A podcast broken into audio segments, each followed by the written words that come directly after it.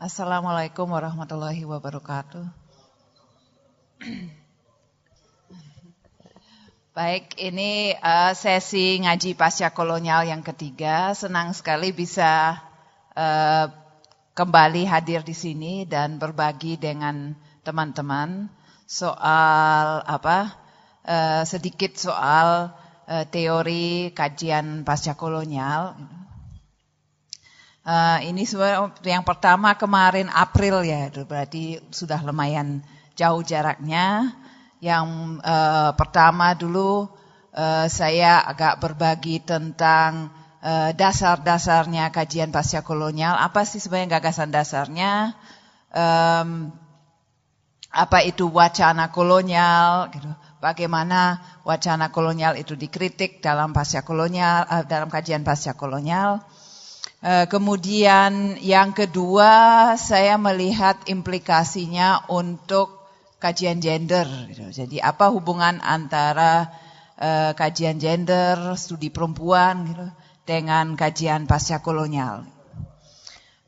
Nah hari ini saya ingin sedikit uh, berbicara khusus tentang teori pasca kolonial, terutama bagaimana uh, teori pasca kolonial punya uh, konsep yang sangat khas tentang potensi uh, perlawanan gitu, perlawanan atau resistensi itu uh, yang tidak selalu hadir dalam bentuk perlawanan frontal yang sangat disadari gitu kan. Tapi uh, apa potensi yang hadir dalam hal-hal kecil gitu, dalam Eh, hal-hal uh, yang kadang tidak uh, tidak terlalu terlihat. Nah itu yang uh, ingin sedikit berusaha saya jelaskan hari ini. Nah di sini juga uh, mungkin akan kita rasakan bersama betapa uh, teori uh, teori uh, pasca kolonial ini memang uh, teori yang tidak selalu mudah dipahami. Kalau ingin merasakannya langsung, coba uh, cari buku uh, pemikir yang akan kita bahas hari ini, Homi Baba, dan coba sedikit membaca ya satu dua paragraf aja bukunya, gitu teksnya, pasti akan langsung terasa ini apa sih? Gitu. Kan. Saya juga nggak paham kalau baca langsung. Kalau tidak uh, dengan dibantu oleh teks-teks uh, sekunder, ini memang tokoh seperti ini sangat uh, ruwet ya tulisannya, gitu, gaya tulisnya. Tapi gagasan-gagasannya yang mungkin saya sendiri juga baru meraba sebagian, gitu, uh, itu sebetulnya sangat menarik dan sangat relevan uh, untuk keseharian kita. Gitu. Jadi ya, uh, Homi Baba ini, uh, sebentar, seperti banyak pemikir pasca kolonial yang lain, uh, antara lain ada Spivak misalnya yang juga sangat terkenal. Um, uh, dia berasal dari India dan uh, banyak mengambil contoh uh, budaya India juga itu kolonialisme di India. Jadi memang India melahirkan banyak sekali uh, pemikir kritik pasca kolonial. Nah orang ini uh, terkenal terutama untuk tiga konsep ini. Jadi kalau berjumpa dengan konsep ini, uh, hibriditas, ambivalensi, dan terutama sekali mimikri ini, ini uh, sering sekali memang berasal atau merujuk ke Homi Baba ini. Jadi saya akan berusaha hari ini untuk uh, sedikit dengan cara yang uh, mudah-mudahan cukup sederhana, uh, menjelaskan apa yang maksud ketiga konsep yang terkenal dari Homi Baba ini. Oke ya, mungkin uh, sebelum masuk uh, da, ke titik berangkatnya Baba, uh, sedikit mengulang ya. Kita sudah melihat bahwa ada uh, yang namanya wacana kolonial. Uh, wacana kolonial itu adalah segala macam asumsi, uh, common sense, uh, omongan sehari-hari, uh, sampai ke pembahasan uh, akademis gitu. Jadi segala macam omongan, tulisan gitu. uh, pikiran gitu, asumsi umum yang uh, melegitimasi kolonialisme ataupun lanjutannya yang ada sampai saat ini gitu kan. Ya neokolonialisme atau uh, hubungan relasi kuasa global yang tetap tidak imbang hari ini gitu kan. Jadi ada wacana yang melatarinya yang uh, membuat kita merasa seakan-akan uh, relasi kuasa yang tidak imbang itu sesuatu yang wajar atau yang bisa diterima. Gitu. Jadi itu yang disebut wacana kolonial. Nah ini e, terus menerus dibahas dalam kajian pasca kolonial. Nah atas dasar kesadaran bahwa memang implikasi kolonialisme itu bukan hanya fisik. Gitu kan. Jadi bukan hanya secara fisik e, sebuah negara misalnya dikuasai, tanahnya dieksploitasi, manusianya dieksploitasi, tapi uh, pikiran, pikiran manusia juga dikuasai. Gitu kan. Justru orang itu bisa dieksploitasi uh, misalnya karena pikirannya sudah dipengaruhi. Nah, baik pikiran orang uh, secara umum di uh, di negara penjajah, gitu kan, misalnya di Eropa, uh, maupun yang dijajah sendiri. Gitu kan. Jadi segala perasaan sehari-hari seperti merasa minder, merasa ya memang budaya Barat itu kan lebih maju misalnya, sehingga ya wajarlah kalau misalnya yang datang dari sana yang mengajarkan konsep-konsep seperti demokrasi dan sebagainya. Gitu. Uh, perasaan uh, adanya hierarki yang memang sudah sewajarnya ada gitu kan.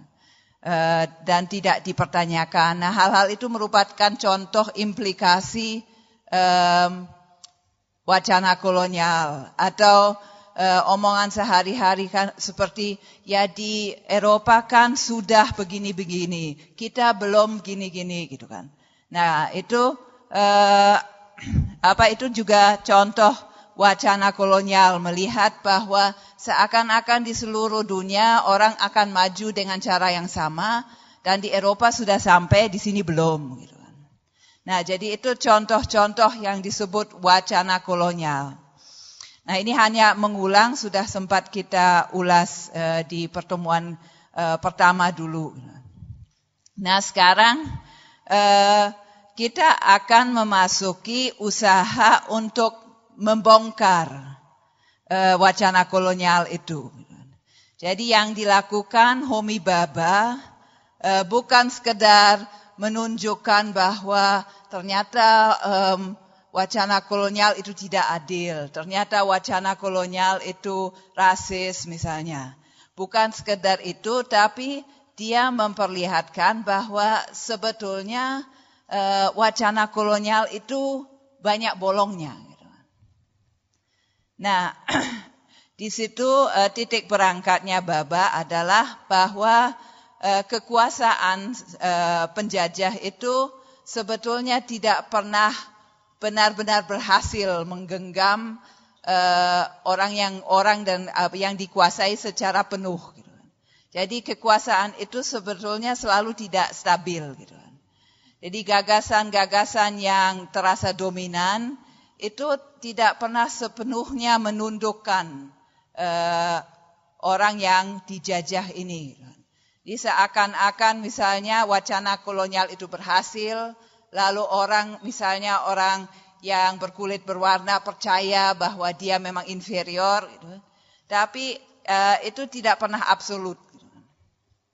Nah, yang dilakukan Baba adalah mencari momen-momen di mana Eh, dominasi penguasa itu gagal. Gitu. Nyimpang gitu. Jadi wacananya begini tapi ternyata efeknya tidak sesuai dengan perkiraan. Gitu. Nah di sini ada dua hal yang uh, penting yang bisa dilihat di situ. Nah, kenyataan bahwa ternyata efek wacana kolonial itu sesuatu yang tidak bisa diprediksi, gitu kan.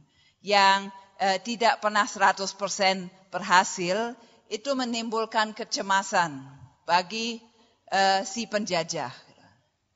Jadi si penjajah ya, orang Belanda di uh, di uh, Nusantara sebetulnya terus-menerus cemas karena merasa tidak sepenuhnya menguasai kok gitu. Selalu ada ada banyak risiko, ada hal-hal yang tidak uh, bisa diprediksi. Uh, nah, jadi ada ketakutan di situ, kecemasan di situ. Nah, bersamaan dengan itu ada juga kemungkinan perlawanan agensi. Agensi itu semacam kemungkinan untuk bergerak sendiri, untuk uh, apa punya uh, bertindak atas kebutuhan sendiri, bertindak mandiri gitu ya. Nah, agensi ini bagi yang terjajah. Nah, jadi momen-momen seperti itu yang dicari. Nanti akan kita lihat uh, contoh-contohnya. Gitu.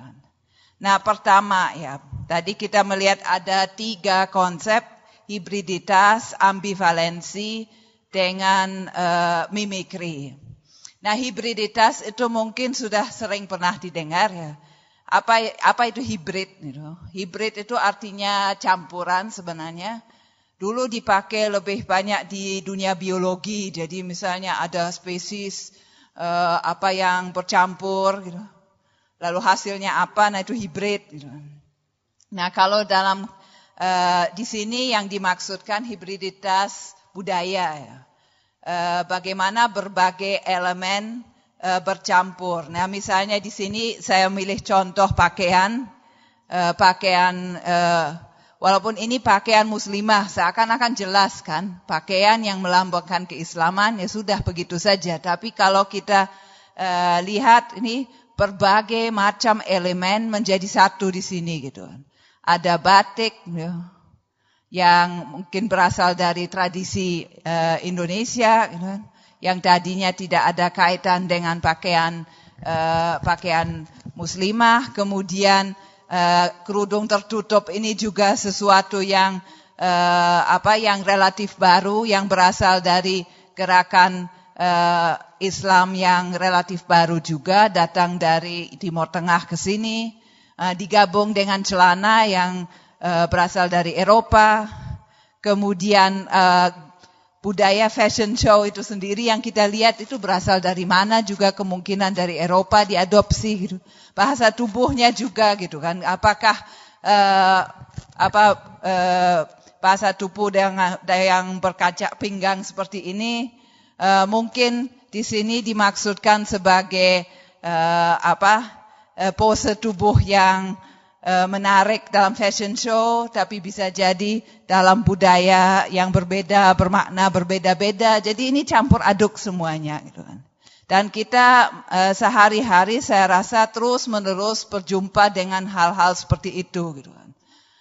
Apa segala macam aspek kehidupan kita pasti elemennya berasal dari berbagai macam uh, latar belakang dan itu wajar bagi kita. Jadi ini hibriditas, campur budaya yang campur. Nah, eh, yang sering kita asumsikan dalam sehari-hari, terutama kalau berbicara tentang bercampurnya atau bertemunya budaya penjajah, budaya barat dengan budaya lokal, itu kita membayangkan tak ada misalnya budaya Jawa, kemudian datanglah orang Belanda membawa budayanya sendiri, kemudian baru ini bertemu dan bercampur. Gitu kan. Nah, uh, jadi hibriditas hanya dibayangkan sebatas uh, ada budaya-budaya yang stabil, kemudian bertemu dan uh, apa uh, saling berinteraksi. Gitu. nah, uh, menurut Homi Baba, tidak demikian gitu kan.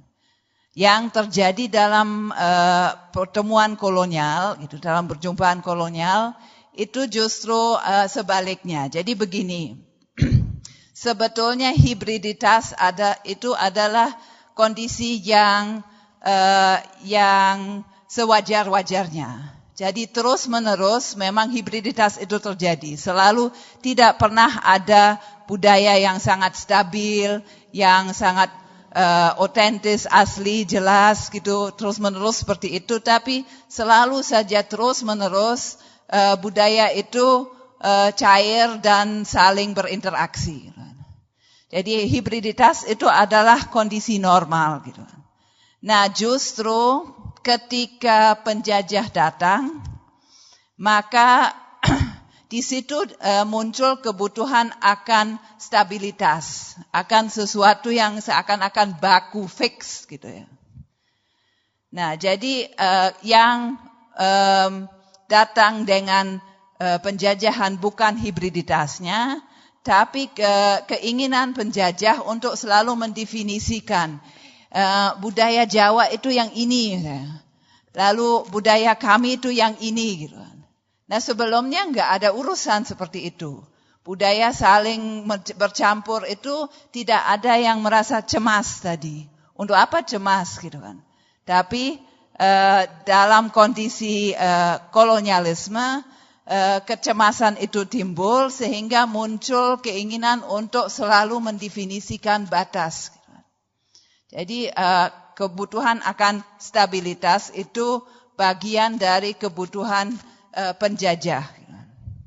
Nah ini uh, satu contoh yang mengilustrasikan itu dengan sangat jelas, saya rasa dari novel Pramudia.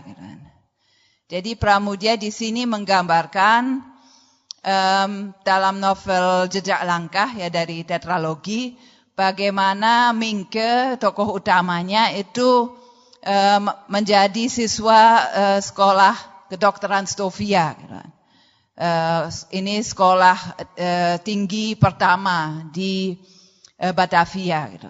Nah, jadi Mingke ini kan masuk ke Stovia berarti uh, menempuh uh, pendidikan modern Barat. Nah, menariknya justru seperti yang digambarkan di adegan ini, ketika menjadi siswa di sekolah itu, dirinya dan siswa-siswa lain itu diharuskan berpakaian uh, adat sesuai dengan etnis masing-masing. Jadi karena Mingke ini Jawa, ya harus berpakaian uh, pakaian yang dianggap Jawa gini kan. Testar baju tutup, kain batik dan cakar ayam. Tak boleh beralas kaki. Gitu kan. Lalu digambarkan betapa baginya itu eh, itu dirasakan sebagai sebuah penghinaan. Gitu kan. Di sebelumnya Mingke ini pakaiannya sangat hibrid. Gitu kan. Dia berpakaian terutama pakaian uh, Eropa. Gitu kan. Pakai celana, pakai sepatu, ya sehari-hari sudah seperti itu biasa. Nah justru ketika masuk ke institusi pendidikan tinggi barat ini, modern ini, tiba-tiba dipaksa untuk uh, berpakaian Jawa. Gitu. Nah, seperti ini kira-kira ya ilustrasinya gitu. Jadi yang berpakaian celana dan sepatu ini bisa diasumsikan mungkin Indo. Indo boleh berpakaian seperti itu, dia status berstatus sebagai orang Eropa.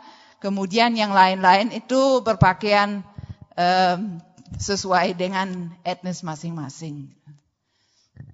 Nah ini bagaimana kita bisa memahami uh, persoalan ini. Nah ini bisa dipahami dengan konsep baba tadi. Nah, coba kita bayangkan, ini kan sebuah sekolah, eh, sekolah tinggi, di mana pribumi eh, bersekolah bersama dengan eh, Indo, mungkin juga orang Belanda, untuk masing semuanya menjadi dokter nanti.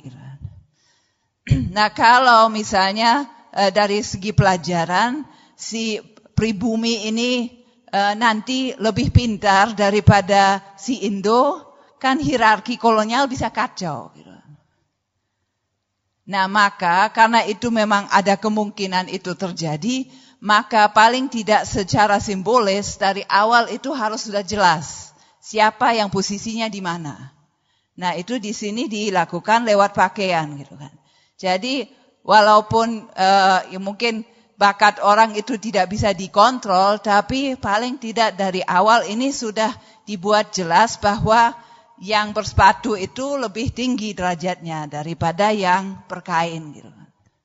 Jadi selalu terus menerus diingatkan lewat uh, pakaian yang wajib dikenakan ini bahwa apa pun usahanya, ya kamu itu tetap hanya pribumi. Gitu. Tidak bisa uh, melepaskan diri dari identitas uh, yang yang apa dimiliki ini gitu kan.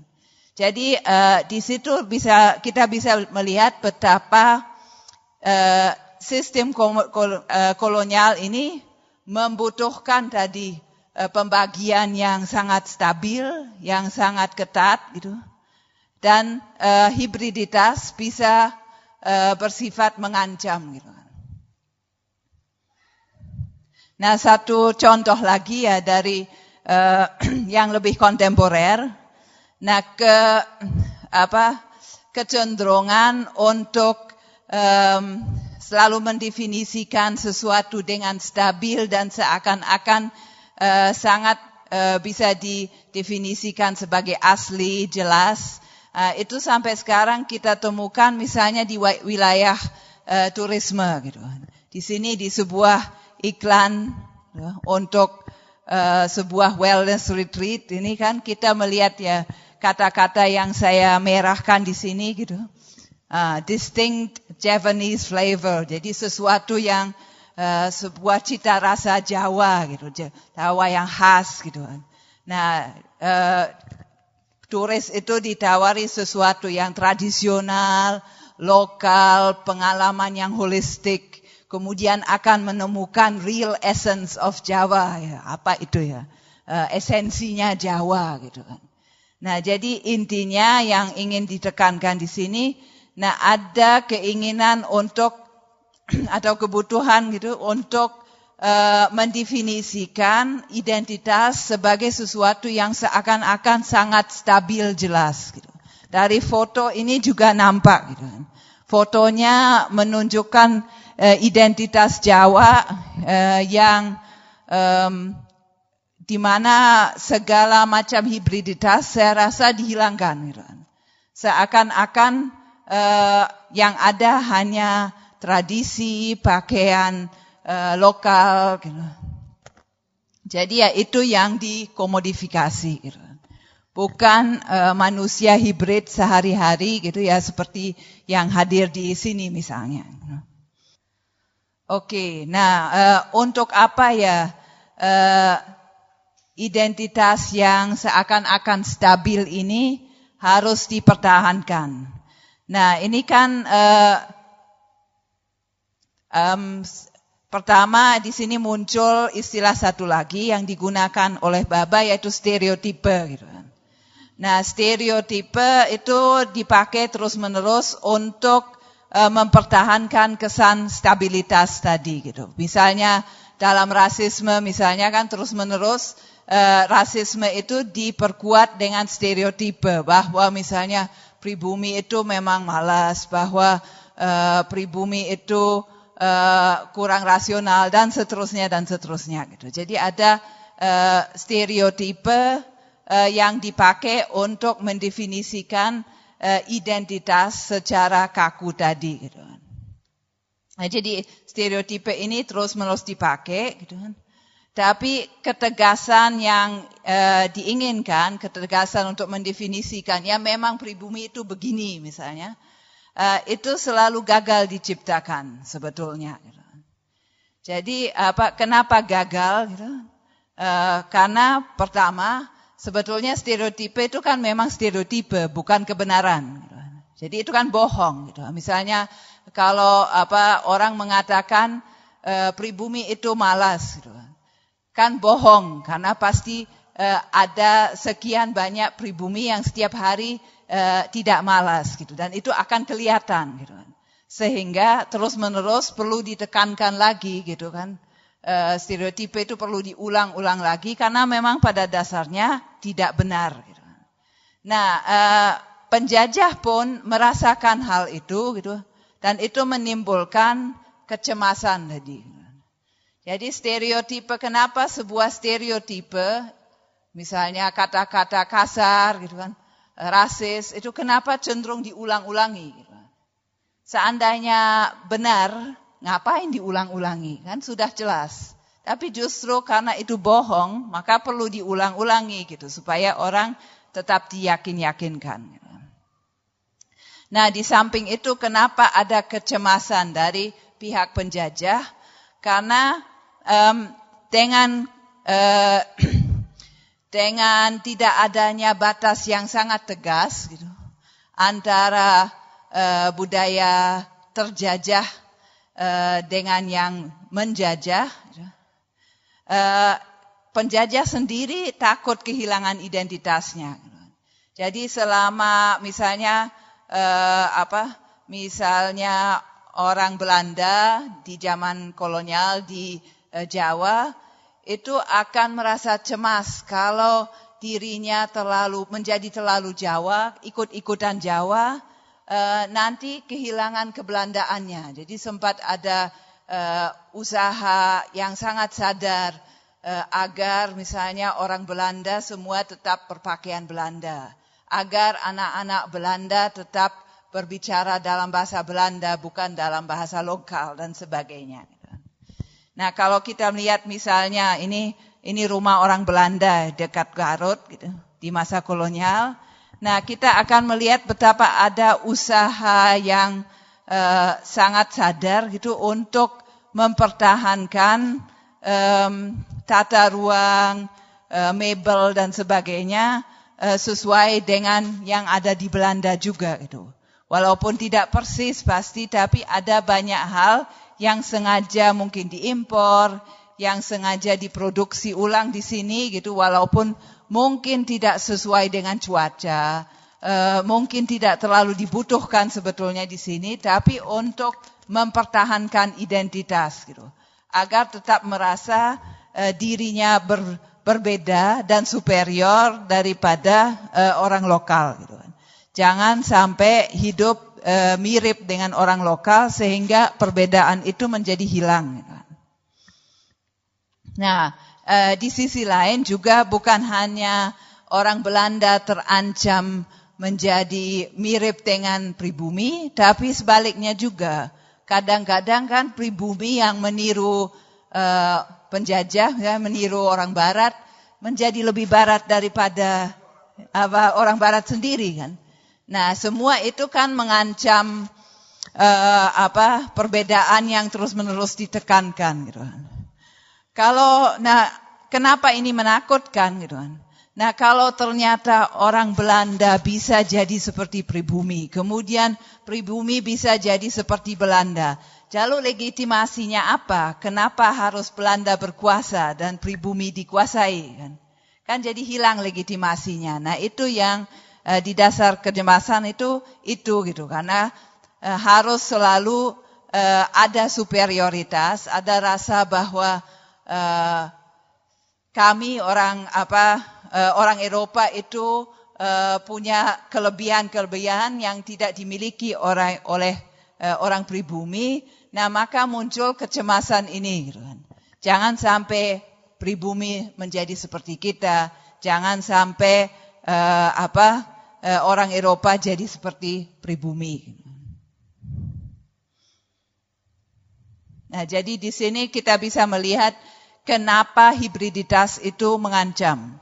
Kan kalau uh, orang Belanda jadi seperti pribumi misalnya hibrid kan. Atau kalau orang uh, pribumi menjadi uh, jadi mirip orang Eropa itu juga hibrid. Gitu. Nah itu justru menjadi ancaman sehingga terus-menerus diusahakan aturan tertentu, batasan tertentu uh, supaya itu jangan uh, terjadi dalam bentuk yang kelewat uh, ekstrim dan mengancam tadi.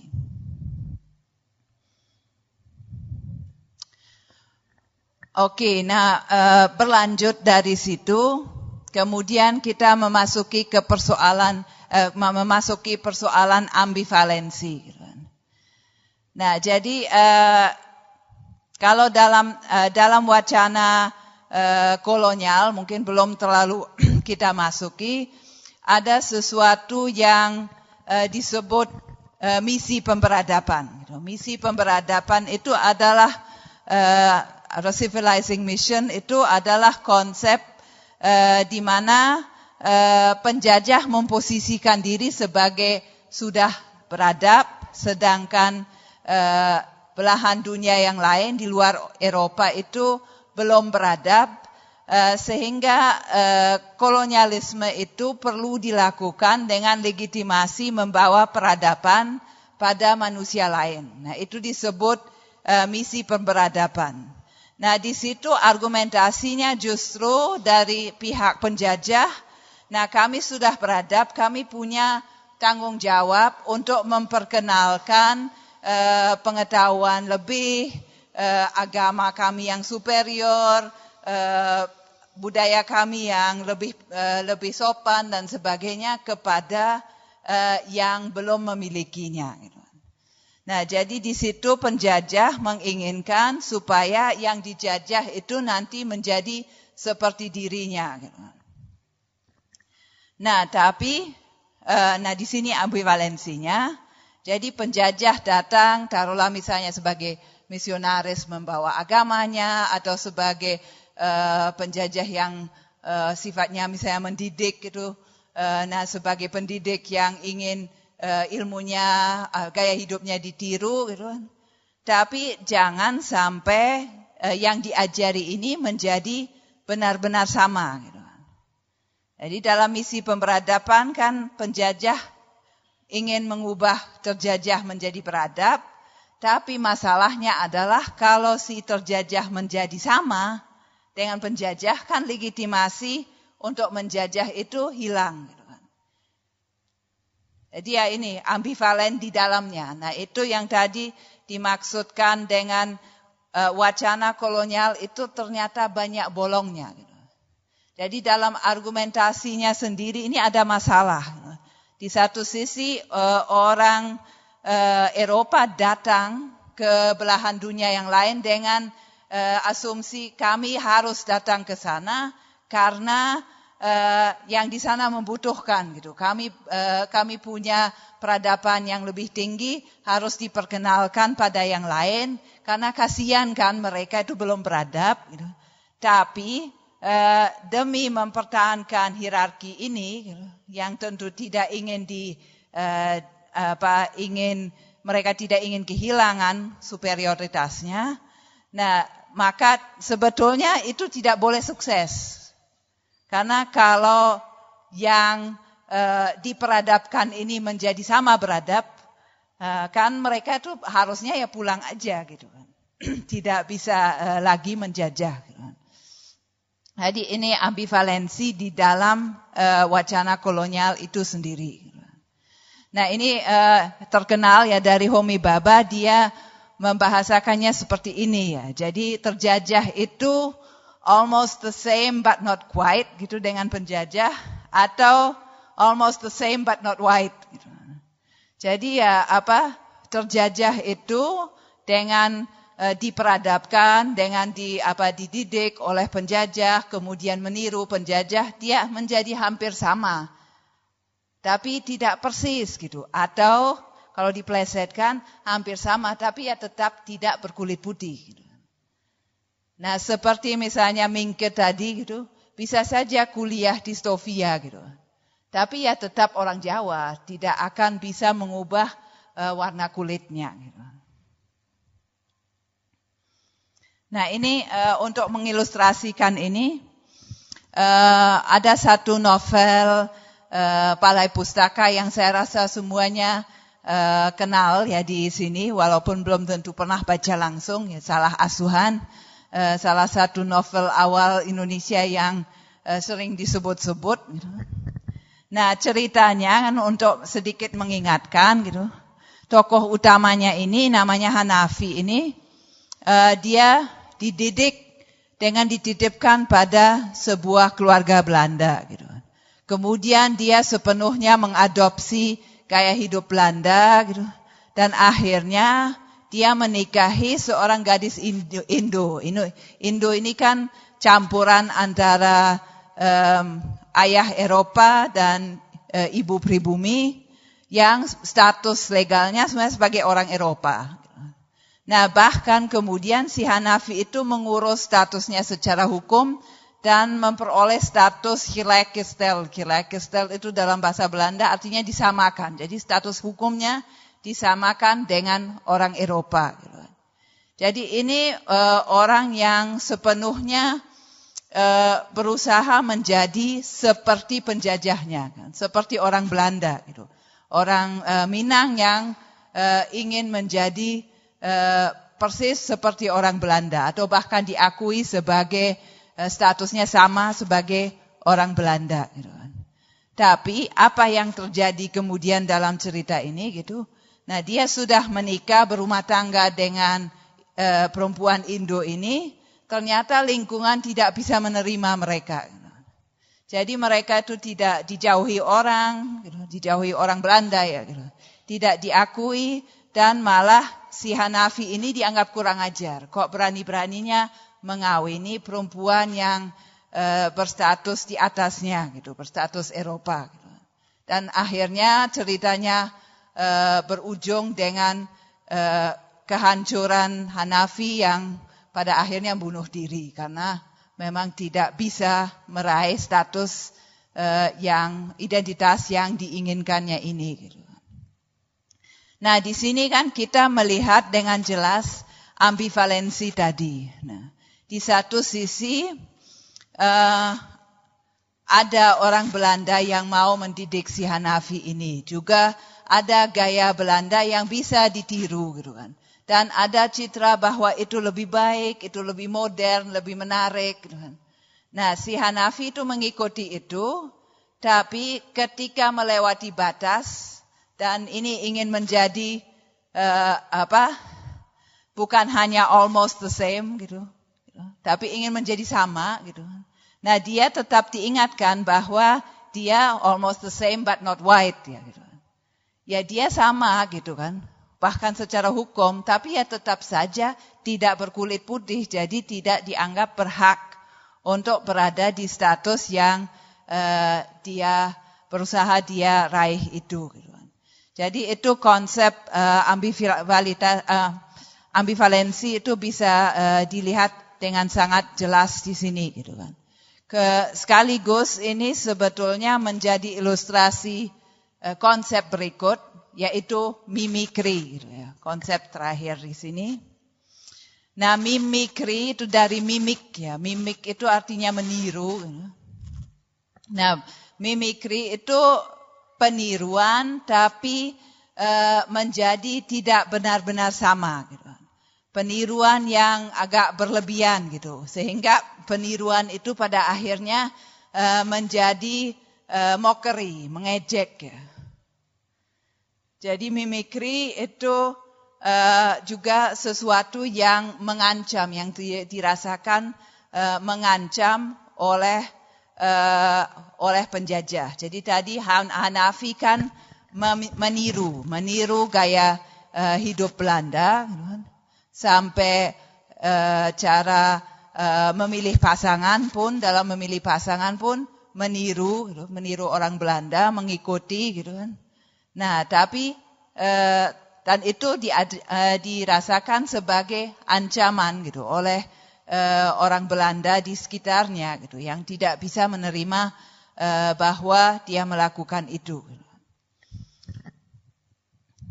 jadi uh, apa uh, di sini. Nah, kita tadi di awal saya katakan Baba untuk mencoba untuk merumuskan resistensi gitu, perlawanan tapi dengan cara yang tidak konvensional, yang tidak frontal gitu. Nah, mimikri ini peniruan yang cenderung uh, ternyata mengejek. Nah, itu um, menjadi salah satu Eh, cara resistensi gitu ya. Tidak setiap peniruan menjadi mimikri, menjadi resistensi, tapi potensi itu ada. Gitu. Nah, kenapa yang uh, dilakukan uh, Hanafi tadi dalam novel Salah Asuhan bisa dipahami sebagai resistensi? Resistensinya mana ya? Pada akhirnya bunuh diri seperti itu. Nah, deskripsinya uh, dalam bentuk novel ini Nah, punya unsur kritis yang bahkan mungkin di zaman kolonial ketika itu diterbitkan tidak disadari gitu kan. Nah, unsur kritisnya di mana gitu. Nah, kalau kita melihat itu eh, nah ambivalensi eh, wacana kolonial tadi kan menjadi tampak dan tersadar eh, bisa disadari kalau kita mengikuti eh, cerita Hanafi. Gitu kan. eh, kok di satu sisi eh, budaya Belanda selalu di, eh, diperlihatkan sebagai yang lebih baik, lebih beradab, eh, lebih modern. Nah, kemudian orang eh, lokal juga diajari untuk berpendapat seperti itu, untuk mengikutinya. Tapi eh, ketika seorang Hanafi ini konsekuen, kemudian mengikutinya sampai di ujung, gitu, sampai benar-benar ingin hidup persis seperti orang Belanda, nah itu ternyata tidak boleh. Gitu kan. kan nampak tidak logisnya, gitu kan. Uh, wacana kolonial tadi. Nah, di situ ada potensi uh, perlawanan di situ gitu kan. Jadi meniru tapi meniru dengan sangat uh, berlebihan gitu kan.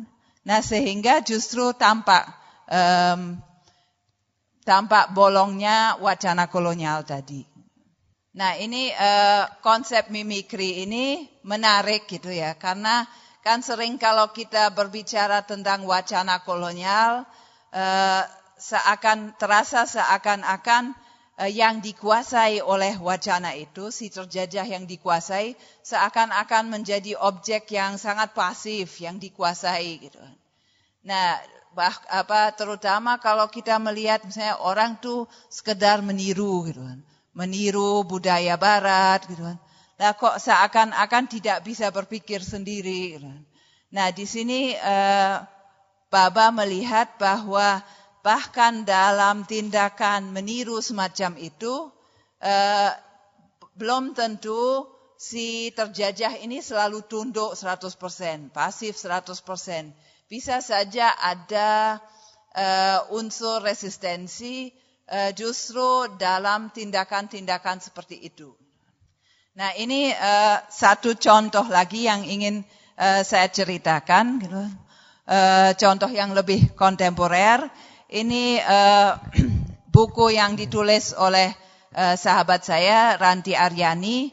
Uh, buku ini kisah autobiografis. Ya, Ranti Aryani ini uh, seorang dia menyebut dirinya Indonesian American karena dia warga negara Amerika tapi uh, lahir sebagai orang Indonesia.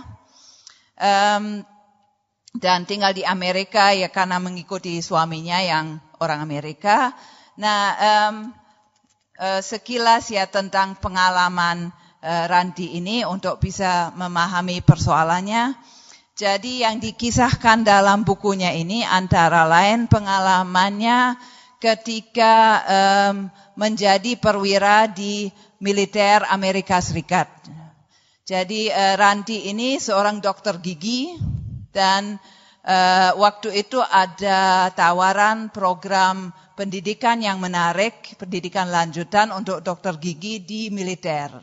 Lalu uh, dia melamar gitu dan uh, akhirnya diterima gitu. Waktu melamar sudah dia sudah menerangkan bahwa dirinya muslim dan berjilbab. Ini boleh enggak gitu ya. Nah, setelah agak kasak kusuk akhirnya boleh dan Eh, tapi kemudian eh, dalam perjalanannya setelah diterima di sana, eh, dia mengalami diskriminasi yang sangat hebat, jadi tidak bisa, tidak boleh memulai pendidikannya ini karena seragamnya dianggap tidak sesuai, tidak dipatuhi aturan seragamnya, tapi untuk menyelesaikan masalah atau pergi gitu juga tidak bisa gitu. Jadi tertahan itu tidak boleh meninggalkan pangkalan tapi tidak bisa bermulai pendidikan juga gitu selama lebih dari setahun gitu. Jadi ya itu eh, pengalaman itu antara lain dikisahkannya eh, dalam buku ini. Jadi bagaimana dia didiskriminasi eh, sebagai warga negara Amerika yang ingin menjadi bagian dari militer dan ingin tetap menggunakan jilbab di situ. Gitu. Kan. Nah menarik di sini saya pikir dari cover buku ini saja uh, ada hal yang menarik yang bisa kita lihat berkaitan dengan topik kita tadi. Nah pertama judul bukunya ini uh, tentu tidak asing ya uh, slogan ini In God We Trust gitu. Ini slogan uh, khas yang berkaitan dengan kebangsaan Amerika yang ada di setiap logam uh, uang logam atau uang kertas gitu seperti yang ada di gambar itu gitu. Jadi itu slogan uh, nasional Amerika gitu kan. Tapi dipakai di sini uh, oleh Ranti untuk judul bukunya yang sebenarnya berkisah tentang perjalanan spiritualnya sendiri. Gitu kan. Nah, kemudian uh, dalam apa? Di sini juga ini berkait dengan identitas dia sebagai orang Indonesia yang kemudian mengambil warga kewarganegaraan Amerika di mana uh, dia gitu di sini uh, justru mengisahkan uh, identitas dirinya sebagai orang Amerika dengan merasa tidak ada masalah sebetulnya uh, sebagai seorang Muslim uh, menjadi orang Amerika. Gitu. Jadi kalau dari slogan In God We Trust ini kan uh, kesannya bahwa orang Amerika pada umumnya itu religius dan uh, percaya pada Tuhan, mempercayakan hidupnya pada Tuhan dan uh, dalam ideologi resminya Amerika ini kan sangat multikultural. Jadi agama apa saja diakui, uh, sangat toleran gitu kan. Nah, uh, Ranti uh, Aryani ini Eh, menerima saja ini, mengadopsi ini, lalu mengatakan ya kalau begitu tidak ada masalah apa pun gitu. Bagi saya sebagai orang uh, orang Islam uh, merasa bahwa God yang dimaksudkan di sini adalah Tuhan saya gitu. Nah, uh, ini kan mimikri gitu ya, meniru gitu kan, mengadopsi begitu saja uh, apa identitas Amerika seperti, mirip seperti Hanafi meniru Belanda sebetulnya. Mengadopsi, tapi dia tidak dengan meniru dengan dengan mencoba membuat dirinya sama, meniru-niru gaya orang di sekitarnya, tapi dia justru merasa bahwa lo saya tidak perlu mengubah apa pun, saya sudah sesuai dengan ideologi Amerika gitu kan. Nah di sini juga nampak kan sebetulnya bolongnya uh, wacana kolonial Amerika itu sendiri gitu kan. Nah in God we trust seakan-akan sangat inklusif, tapi ketika seorang Muslim uh, merasa bahwa eh, ini Godnya itu juga sama, gitu. Kan. kemudian me menginginkan hak yang sama dalam militer negara ini ternyata tidak bisa diterima. Gitu kan. Jadi bolongnya itu tampak di sini. Nah begitu juga yang ditirukan di sini eh, foto-foto uh, militer yang sangat lazim kita jumpai di mana-mana kan selalu foto pro, uh, profilnya itu seperti itu gitu dengan bendera di belakang. Nah, apa Ranti ini membuat foto seperti itu dengan jilbab terlihat sangat serasi gitu, tidak ada masalah bagi dirinya tidak ada masalah. Tapi ternyata bagi uh, institusi militer di mana dia uh, ingin mengabdikan diri ini, uh, ternyata itu menjadi masalah. Jadi di sini saya rasa agak mirip walaupun lebih kompleks daripada dalam kasus uh, salah asuhan tadi. Uh, bolongnya wacana kolonial nampak lewat um, lewat tindakan mimikri ini, meniru ini. Bahwa ternyata ketika uh, seorang perempuan berjilbab gitu membuat foto seperti ini, nah itu ternyata kok ada hal yang dirasakan salah di situ. Walaupun dari segi ideologi Amerika seharusnya diterima gitu. Uh, multikulturalisme, toleransi dan sebagainya. Tapi ternyata tidak. Nah, ini mungkin untuk menambah contoh, eh, semoga menambah pengertian tentang apa wujud eh, mimikri dan ambivalensi dan hibriditas tadi. Eh, mungkin sampai di sini dulu bisa kita diskusikan lebih lanjut. Terima kasih. Oke, silahkan. Kalau ada yang ingin bertanya, menanggapi satu. Selamat malam Ibu Catherine. Uh, tadi di awal Ibu menjelaskan tentang teori hibriditas oleh uh, Homi Baba bahwa sebenarnya uh, ke apa upaya untuk menguatkan budaya sendiri, identitas sendiri itu ada setelah kolonialisme.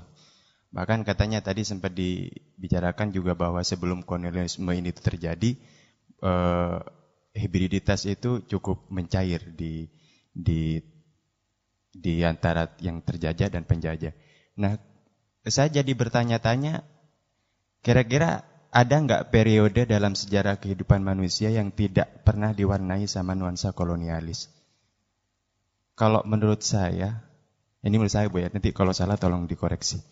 Kalau menurut saya pribadi, kalau kolonialisme itu di didefinisikan sebagai upaya untuk menguasai yang lain, menguasai orang lain baik secara teritorial ataupun secara ide atau pemikiran, saya pikir dalam periode kehidupan manusia nggak ada kehidupan sejarah manusia yang tidak diwarnai dengan kolonial, walaupun dengan gayanya yang berbeda-beda.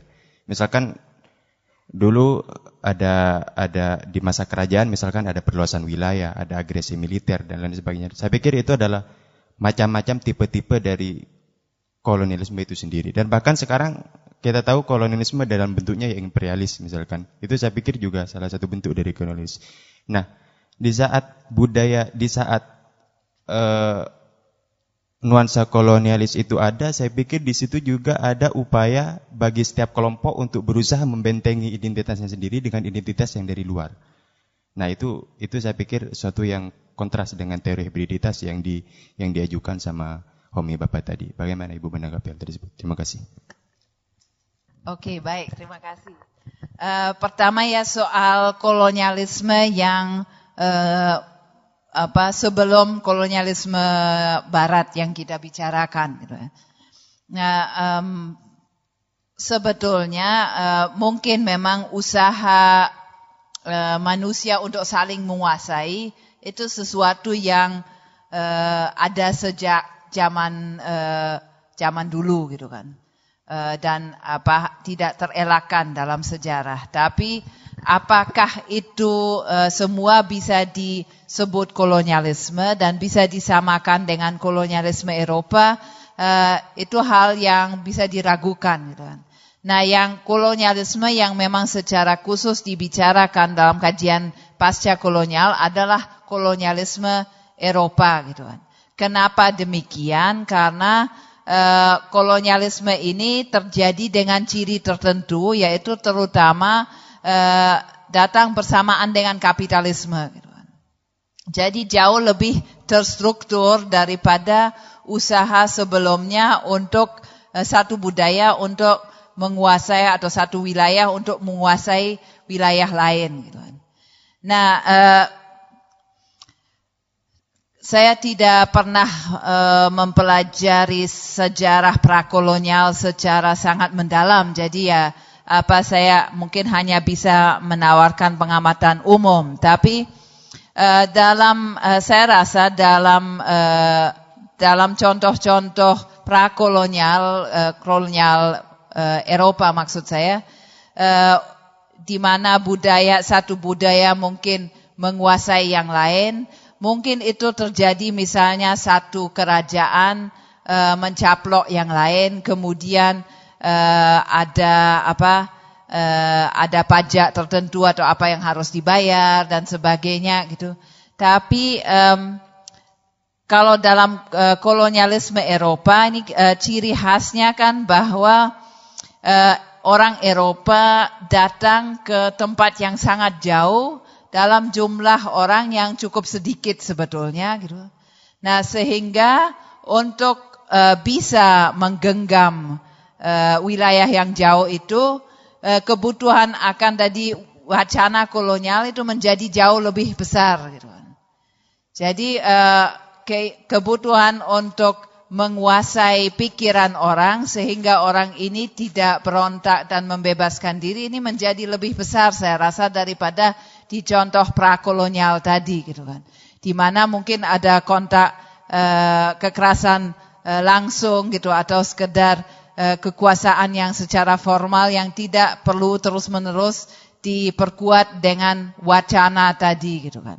Nah, jadi wacana kolonial yang sangat struk, eh, terstruktur gitu untuk mengindoktrinasi manusia yang dikuasai ini itu tetap uh, saya rasa itu menjadi ciri khas um, kolonialisme modern sampai uh, saat ini gitu kan. Dan bentuk ekstremnya kan saat ini adalah bahwa pada dasarnya uh, wacana kolonial ini kan sekarang menjadi wacana uh, yang sangat global gitu kan. Nah misalnya uh, cara pikir akademis gitu, dunia akademis yang kita pakai saat ini, uh, yang dipakai secara global oleh semua manusia yang terlibat dalam di dunia akademis, itu kan sebetulnya uh, apa berasal dari tradisi pengetahuan Eropa kan. Jadi tradisi akademis Eropa yang kemudian diperluas gitu kan. Jadi ya saat ini sebetulnya implikasi yang dibawa oleh kolonialisme Eropa eh, apa eh, lewat kolonialisme langsung kemudian lewat bentuk-bentuk neokolonialisme itu demikian luas sehingga sama sekali tidak kita rasakan sehari-hari tapi sangat tidak mungkin dibatalkan katakanlah. Karena apa tradisi-tradisi pengetahuan yang lain misalnya itu kan sudah uh, hampir hilang gitu kan. Jadi ya apa um, saya rasa tidak tidak bisa disamakan uh, cara uh, budaya saling menguasai yang lain yang ada sebelum kolonialisme Eropa dengan uh, kolonialisme Eropa yang jauh lebih terstruktur karena uh, melayani kebutuhan kapitalisme tadi. Gitu. Nah kemudian uh, apakah uh, dalam di luar kolonialisme Eropa itu tidak ada upaya untuk saya menciptakan batas, me menguatkan budaya sendiri gitu. Nah saya rasa mungkin persoalannya bukan uh, menguatkan budaya sendiri, tapi lebih kepada merasakan uh, kebutuhan akan batas yang jelas itu. Nah, batas yang jelas itu antar budaya kan dirasakan terutama dalam hubungan kolonial karena ada hubungan hierarkis. Kalau ada dua budaya yang saling bersentuhan dan statusnya eh, kira-kira apa sama, uh, untuk apa juga harus ada batas yang sangat kaku dan sebetulnya tidak dibutuhkan gitu kan. Karena tidak punya kepentingan seperti itu. Tapi seperti yang kita lihat tadi ya uh, muncul kecemasan ketika ada satu budaya yang uh, merepresentasikan diri sebagai sangat superior uh, dengan uh, menstereotipekan yang lain sebagai inferior ya. Di situ muncul kebutuhan untuk terus-menerus menciptakan batas yang jelas karena takut terkontaminasi gitu kan. Ya mungkin itu, terima kasih.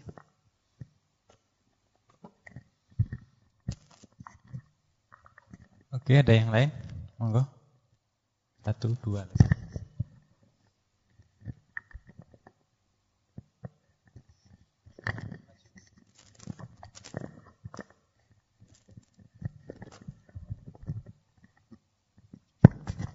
Bismillahirrahmanirrahim. Assalamualaikum warahmatullahi wabarakatuh. Perkenalkan nama saya Tessa dari Universitas Islam Indonesia. Tadi kita membahas tentang stereotype or atau stereotipe yang Ibu bahas tadi. Kan kita tahu itu tuh stereotype itu beredar dalam masyarakat dan masyarakat itu sendiri tidak tahu kalau stereotype yang diyakini-yakini itu merupakan stereotype yang negatif. Tetapi yang kita tahu bahwa stereotip itu kan menghasilkan atau menjadi penyebab timbulnya diskriminasi. Apakah ada upaya-upaya atau solusi yang telah dilakukan untuk menghilangkan stereotip stereotype atau stereotipe itu yang telah ditanamkan oleh orang-orang yang ada pada zaman masa kolonial dulu. Makasih Bu. Assalamualaikum.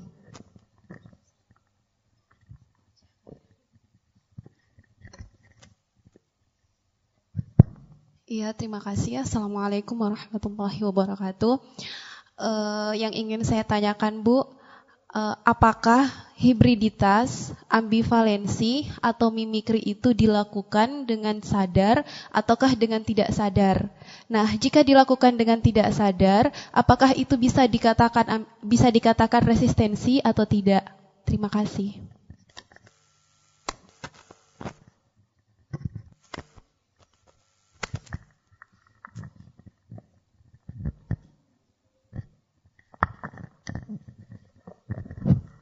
Baik, terima kasih. Pertanyaan yang menarik-menarik ini ya. Uh, jadi ya uh, stereotipe ini stereotipe pertama. Uh, bagaimana menghilangkan stereotipe dan apa sebenarnya ketika orang menggunakan stereotipe mereka sadar nggak ya gitu kan. Nah pertama saya rasa uh, mungkin kadang-kadang kita atau sering kali kita sebetulnya setengah sadar ya bahwa uh, yang kita gunakan itu adalah stereotipe gitu kan. Ketika menggeneralisasi gitu tentang orang tertentu dia itu bagaimana gitu kan. Uh, kalau dipikir-pikirkan apakah benar-benar kita tidak tahu gitu kan. Uh, misalnya ya seperti saya sendiri juga sering mengalami gitu kan. Orang tuh melihat bule itu seperti apa gitu kan. Nah, apakah benar orang itu mengatai bule dengan cara tertentu itu dia tidak sadar bahwa itu tidak 100% benar, bahwa tidak semua bule seperti yang dia bayangkan. Misalnya yang sering mengganggu bagi saya adalah orang pikir semua bule itu kaya gitu kan. Padahal ya saya tuh ya kere dimintai orang lebih karena dipikir kaya raya kan repot gitu kan. Nah, misalnya gitu kan. Nah, apakah benar yang menggunakan apa stereotipe itu gitu?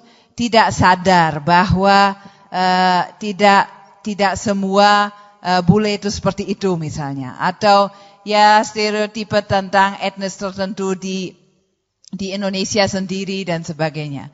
Kan orang menggunakan itu gitu kan sambil uh, sebenarnya setengah tahu bahwa itu adalah stereotipe gitu kan. Tapi uh, dipakai terus menerus. Oh, Cina gitu, Cina bagaimana gitu kan? Apakah uh, orang yang berbicara uh, tentang orang Cina dengan uh, nada yang negatif misalnya itu tidak sadar bahwa itu stereotipe gitu kan? Saya pikir apa ya mungkin sebenarnya uh, sadar juga gitu atau paling tidak kadang-kadang uh, sadar gitu. Nah kemudian eh, bagaimana itu bisa disikapi. Nah menariknya yang dilakukan eh, Homi Baba ini, gitu, Homi Baba ini mengatakan dalam satu teksnya, ya memang orang itu sudah banyak berbicara tentang betapa stereotipe itu memang tidak benar, kemudian harus ditinggalkan. Itu semua kita sudah tahu gitu kan. Bahwa rasisme itu tidak baik gitu. Nah, itu kan kita sudah tahu gitu kan. Tapi kan sebetulnya yang menarik ditanya itu adalah ngapain sih sebenarnya orang itu rasis gitu kan. Apa sih yang dia dapatin ketika dia dia apa e, mengulang-ulang stereotip rasis gitu kan. Nah, itu yang kemudian diteliti gitu kan. Jadi ya tadi persoalan bahwa itu sebenarnya berasal dari kecemasan gitu kan. Karena takut e, identitasnya sendiri itu tercemar ketahuan tidak utuh, ketahuan sebenarnya hibrid gitu kan. Sehingga apa dirinya tidak bisa merasa superior lagi, maka kemudian terus-menerus dia butuh stereotipe diulang-ulang gitu kan. Jadi eh, Baba itu mengubah perspektif, tidak lagi bertanya bagaimana menghilangkan ini, tapi ini berasal dari masalah psikologis manusia seperti apa gitu kan. Sehingga orang itu merasa butuh untuk mengulang itu. Nah, di situ kemudian kita eh, kita akan juga melihat bahwa persoalannya bukan sekedar menyadarkan orang eh, bahwa stereotipe itu tidak benar. Karena kalau stereotipe itu diulang-ulang bukan karena orang yakin bahwa itu benar, tapi karena dirinya cemas dan perlu uh, terus-menerus membatasi diri dari yang lain itu dengan mengulang stereotipe, maka stereotipe itu tidak akan hilang dengan menyadarkan dia bahwa oh pribumi itu sebenarnya belum tentu malas loh gitu kan. atau apa uh, orang Cina itu tidak uh, jahat loh atau tidak uh, eksploitatif loh atau apa gitu. Nah jadi apa uh, intinya uh, bukan di benar tidaknya stereotipenya itu, tapi uh, mekanisme psikologisnya itu gitu kan. Itu yang di uh, digali oleh uh, Baba di sini gitu seputar stereotipe. Nah, kemudian pertanyaan kedua, ini ini memang uh, salah satu persoalan utama yang menarik gitu ya dan juga banyak diperdebatkan sebetulnya dalam teori Baba ini. Gitu. Kan.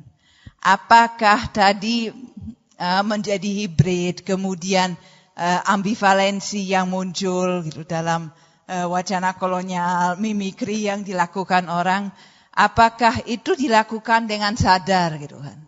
Dan kalau ternyata tidak gitu, nah sesuatu yang tidak disadari, tidak direncanakan sebagai perlawanan, apakah tetap bisa disebut sebagai resistensi gitu kan? Nah sebetulnya eh, bagi Umi Baba persoalan sadar atau tidaknya ini tidak utama gitu kan.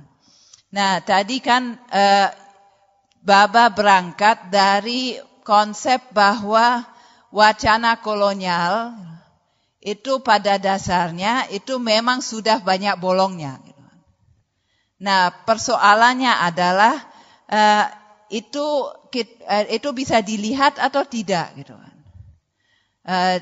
Nah ketika terjadi mimikri misalnya itu adalah momen di mana itu terlihat gitu kan. Di mana terlihat bahwa kalau orang mengikuti ajakan um, penjajah untuk menjadi mirip seperti dirinya, mengikuti uh, apa wacana pemberadaban tadi, jadi meniru gitu kan. Nah, kemudian ke, apa di, di momen tertentu peniruan itu ternyata tidak diterima atau ternyata dirasakan sebagai ancaman gitu kan. Ini apa gitu kan. Atau tiruan itu terasa sebagai ejekan karena uh, kok tidak persis gitu kan. Nah, uh, itu kan yang menyadarkan sebetulnya bolongnya gitu kan. Nah, misalnya ada satu novel uh, Salman Rushdie yang sering dikutip adegannya itu menarik gitu kan. Jadi ada adegan uh, tokoh uh, apa tokohnya Pakistan atau India gitu ya, saya lupa gitu tokoh pribumi yang meniru orang Inggris gitu kan. Nah, meniru orang Inggris misalnya uh, dengan uh, menceritakan sebuah toko toko uh, serbaguna yang ada di uh, di London yang terkenal menceritakan toko itu seakan-akan dirinya sudah pernah ke sana. Itu ada apa barang apa saja ada di mana di dalam toko itu gitu kan. Nah, itu diceritakan untuk menunjukkan betapa dirinya itu uh, orang pribumi yang sudah menginggris, gitu, seperti orang Inggris. Gitu. Nah kemudian ketika dikonfrontasikan, kamu udah pernah ke sana? Oh belum, gitu kan. Loh ini apa, gitu kan. Nah kenapa adegan ini menarik gitu, dan mem, bisa dianggap membongkar wacana kolonial? Nah kalau kita apa Eh, kita melihat lebih dalam berarti yang mengkonstruksi kons, apa, uh, kesan seseorang itu adalah orang Inggris adalah ketika dia sudah pernah ke masuk ke toko belanja, tertentu belanja di sana. Berarti orang Inggris pun sebenarnya hanya uh, dirasakan Inggris karena hal-hal konyol seperti itu gitu kan. Berarti apa sih identitas itu gitu kan? Orang apa uh, yang merasakan dirinya otentis pun kan sebenarnya terus-menerus menciptakan uh, kesan otentisnya ini dengan cara-cara seperti itu gitu kan. Nah, itu yang apa uh, jadi di situ wacana-wacana kolonial itu uh, menjadi terbongkar gitu kan. Dengan lewat mimikri gitu kan. Nah, justru ketika terasa konyol kan. Kenapa terasa konyol? Karena ini orang India yang cerita seperti itu. Gitu. Tapi sebenarnya kan orang Inggris juga melakukan hal yang sama gitu kan. Nah, jadi apa bisa kita bisa tersadarkan tentang rapuhnya konsep identitas itu sendiri gitu. Apa sih yang mendefinisikan batas antara orang yang menganggap dirinya Inggris dengan yang tidak boleh menganggap dirinya Inggris gitu kan. Nah, itu apa menjadi terpertanyakan gitu. Di luar persoalan apakah si orang India yang uh, dengan lugu meniru itu melakukan itu sebagai resistensi atau tidak gitu kan. Jadi uh, konsep uh, baba ini memang agak rumit di situ, tidak berangkat dari masalah ini perlawanan sadar atau tidak, tapi lebih kepada ini uh, apa wacana kolonial itu terdekonstruksi atau tidak lewat tindakan-tindakan uh, semacam itu. Ya, seperti dicontohkan di pertemuan awal, kalau saya masih ingat antara orang sarungan dengan pakai celana mana yang disebut dengan modern. Ya, kalau yang punyanya cuma sarung gimana lagi? Cumanya sarung nggak punya celana, apakah itu juga masuk dalam kategori tradisional atau modern? Ini kan juga masih uh, punya uh, apa stereotip bahwa yang sarungan itu adalah yang tradisional atau yang pakai celana itu adalah yang modern. Oke, ada lagi? Iya, monggo Mas.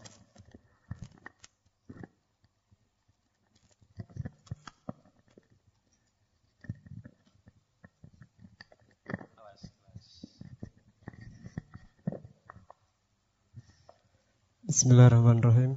Assalamualaikum warahmatullahi wabarakatuh.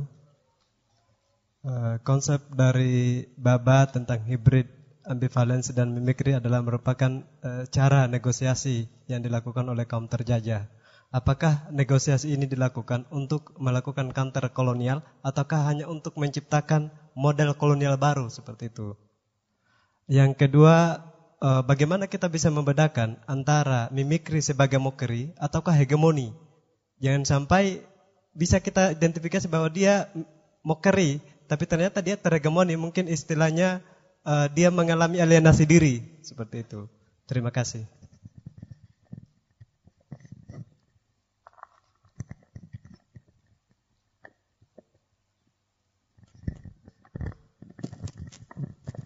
Ya, ini sebenarnya masih menyambung dari uh, pertanyaan sebelumnya ya soal ini secara sadar dilakukan sebagai negosiasi atau tidak gitu ini mau apa ada uh, yang apa orang terjajah yang mau mengejek atau uh, sebetulnya terhegemoni.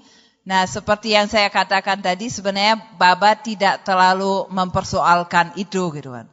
Nah, itu memang uh, oleh sebagian uh, sebagian pengkritiknya itu dirasakan sebagai masalah. Gitu. Dan saya juga uh, merasa bahwa tetap perlu dilihat apakah um, sebuah tindakan yang bisa saja menjadi semacam resistensi itu dilakukan dengan sadar gitu uh, sebagai perlawanan dengan, yang sadar atau uh, sekedar muncul uh, sebagai efek wacana kolonial begitu saja tanpa disadari oleh pelakunya gitu jadi ya itu dua-duanya ada dan dua-duanya mungkin punya potensi tadi untuk mendestabilisasi uh, apa wacana kolonial. Jadi tanpa ada yang secara sadar melawan, tuh uh, apa hal-hal seperti itu bisa mendestabilisasi. Tapi saya rasa tetap perlu dibedakan dari usaha-usaha uh, perlawanan yang uh, yang lebih disadari gitu kan. Nah, kalau uh, kenapa seperti ini konsepnya ya? Nah, uh, sebetulnya ini berangkat dari kesadaran awal tadi bahwa wacana kolonial itu memang tidak stabil gitu kan. Tadi jadi karena wacana kolonial itu uh, banyak bolongnya, banyak ambivalennya, dia uh, tidak bisa diprediksi uh, apa efeknya gitu kan. Nah, jadi uh, hibriditas, ambivalensi, yang mau, mau apa, uh, mimikri yang terjadi itu adalah implikasi logis dari sifat uh, wacana kolonial itu. Gitu kan. Karena wacana kolonial itu ingin menundukkan sebetulnya uh, pribumi, tapi uh, itu uh, sebetulnya mustahil gitu kan. Karena banyak bolongnya tadi, karena dia ambivalen dalam dirinya, maka pasti akan muncul efek-efek yang tidak terprediksi itu dan itu bisa mengganggu uh, apa wacana kolonial itu gitu kan. Nah, uh, di momen-momen uh, yang bolong itu kemudian uh, muncul bibit resistensi. Nah, ketika kemudian itu diolah dengan sadar, nah itu uh, bisa menjadi uh, apa perlawanan yang lebih berarti. Nah, di samping itu sebetulnya ini juga um, konsep-konsep Baba ini juga harus didudukkan sebagai usaha untuk memformulasikan alternatif sebenarnya. Alternatif terhadap apa ya? Nah, kalau kita melihat uh, gerakan uh, pembebasan dari kolonialisme, gitu, bentuknya biasanya seperti apa?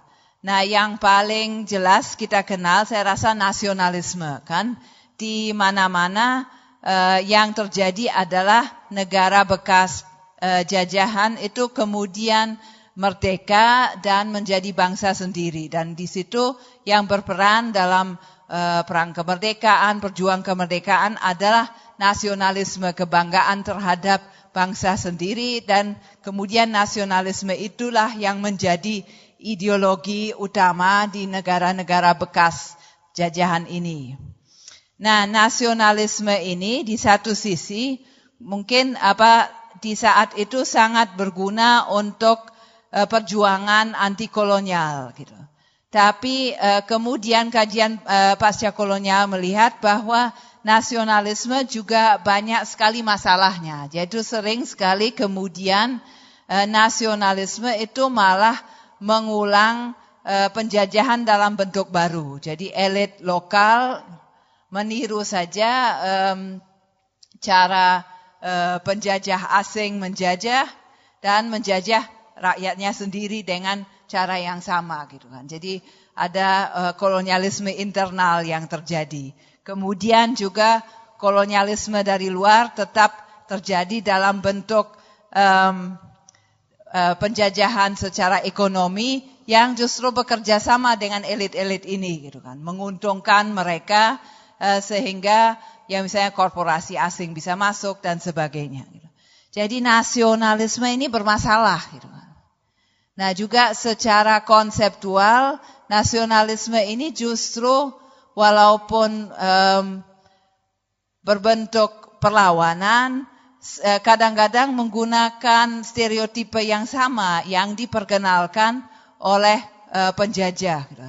Misalnya penjajah mendefinisikan gitu, uh, orang kulit hitam itu emosional, tidak rasional, dekat dengan alam dan sebagainya. Kemudian muncul gerakan-gerakan kebanggaan yang membanggakan budaya kulit hitam yang membanggakan hal yang sama, cuman dibuat positif gitu kan. Kita tuh lebih dekat dengan alam, apa lebih uh, sensual, lebih spiritual dan sebagainya. Gitu kan. Nah itu jadi apa uh, esensialisme semacam itu itu malah dipakai dalam gerakan uh, apa perlawanan kebanggaan budaya sendiri. Kita lihat tadi misalnya contoh iklan uh, yang mengiklankan budaya Jawa, esensi budaya Jawa. Nah ini kan salah satu bentuk bagaimana uh, budaya Jawa, orang Jawa sendiri mengiklankan diri dengan bangga, tapi dengan mengadopsi gitu um, konsep stereotipe tertentu tentang apa itu budaya Jawa. Kemudian membatasi dengan sangat kaku, dengan imaji yang cenderung ya uh, kesan ke, terkesan eksotis gitu, dieksotis eksotiskan. Gitu. Nah, jadi Baba di sini berusaha untuk mencari ada enggak ya cara lain untuk memformulasikan perlawanan terhadap wacana kolonial bukan dengan sekedar mengambil stereotipe yang ada lalu membalikkannya menjadikannya positif tapi uh, sesuatu yang berbeda gitu kan yang yang melawan secara lebih substansial gitu. Nah, di situ kemudian hibriditas itu yang dicari gitu. Jadi bukan membanggakan identitas sendiri yang kembali di, uh, di di apa dipahami eh, uh, sebagai sesuatu yang utuh, jelas, otentis, tapi justru melihat betapa uh, budaya itu selalu hibrid gitu kan. Dan itu tidak bermasalah kok gitu kan. Nah, yang justru yang membutuhkan stabilitas itu wacana kolonial gitu kan. Kemudian apa ya melihat apa eh, potensi-potensi justru lewat peniruan gitu. Bukan dengan selalu melihat bahwa kita harus kembali ke sesuatu yang asli misalnya. Kemudian segala sesuatu yang di luar itu ditolak. Tapi bisa loh gitu sesuatu yang di luar itu diambil gitu. Tapi kemudian justru dipakai untuk mengejek yang membuatnya misalnya. Melawan yang membuatnya. Gitu. Jadi ini usaha untuk secara teoritis uh, mencari uh, alternatif dalam uh, perlawanan terhadap kolonialisme.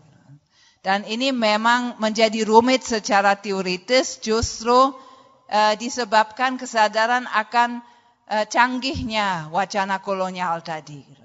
Jadi bagaimana wacana yang demikian mencengkram pikiran kita semua mau dilawan bagaimana? Nah itu memang sesuatu yang yang sangat rumit sehingga konsep-konsep ini pun menjadi ruwet secara teoritis gitu karena kita dipaksa untuk uh, berusaha keluar dari cara pikir kita sehari-hari gitu kan. Saya juga pertama waktu menjumpai ini tuh menarik sekali tapi aneh ya berarti cara pikir yang uh, selalu mencoba membuat batas, mendefinisikan dengan jelas misalnya oh ini etnis ini, ini etnis ini, batasnya ini gitu. Budaya uh, etnis ini begini-begini, oh berarti itu bagian dari wacana kolonial. Wah aneh sekali baru kepikir gitu kan. Jadi memang itu kan uh, cara pikir, cara kerja akademis dan sebagainya yang sangat kita kenal dalam keseharian. Loh kok ternyata itu produk wacana kolonial, kan aneh ya gitu. Sesuatu yang bagi saya juga waktu itu baru gitu. Tapi saya pikir itu gagasan yang sangat menarik gitu ya. Walaupun menantang untuk membayangkan uh, alternatif-alternatif ini. Ya, mungkin begitu. Terima kasih. Silakan, ada lagi? Ya, Mas. Assalamualaikum warahmatullahi wabarakatuh. Bu Catherine, saya uh, agak ini uh, tertarik sama stereotip yang Ibu bawakan tadi. Saya punya pertanyaan, Bu.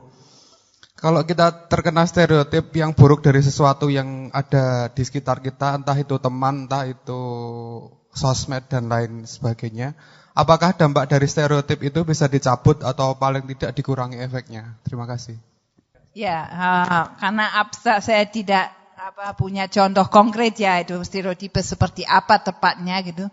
Tapi kan uh, ya karena uh, kita bukan sedang berspekulasi sendiri tentang stereotipe tapi berusaha mendekatinya dengan konsep baba tadi kan. Nah saya rasa menarik paling tidak kalau kita tahu ada stereotipe yang mungkin merugikan kita, terus kita uh, bisa berpikir ngapain ya orang itu uh, atau uh, masyarakat secara umum itu me mengulang-ulang stereotipe itu. Oh ternyata karena cemas sebenarnya, karena takut uh, identitasnya sendiri terancam. Jadi orang yang uh, tidak merasa cemas, yang tidak takut uh, terkontaminasi oleh uh, identitas yang lain, yang tidak merasa kebutuhan untuk terus-menerus mengkonstruksi identitas yang kaku tertentu, uh, itu tidak akan merasa perlu gitu kan untuk melakukan stereotipisasi seperti itu gitu. Nah, berarti sebetulnya yang punya masalah itu yang melakukan itu gitu kan. Nah, pertama itu, kedua, nah kalau memang konteksnya kolonial atau sesuatu yang berkaitan dengan itu, mirip dengan itu, nah berarti di situ ada relasi kekuasaan gitu kan.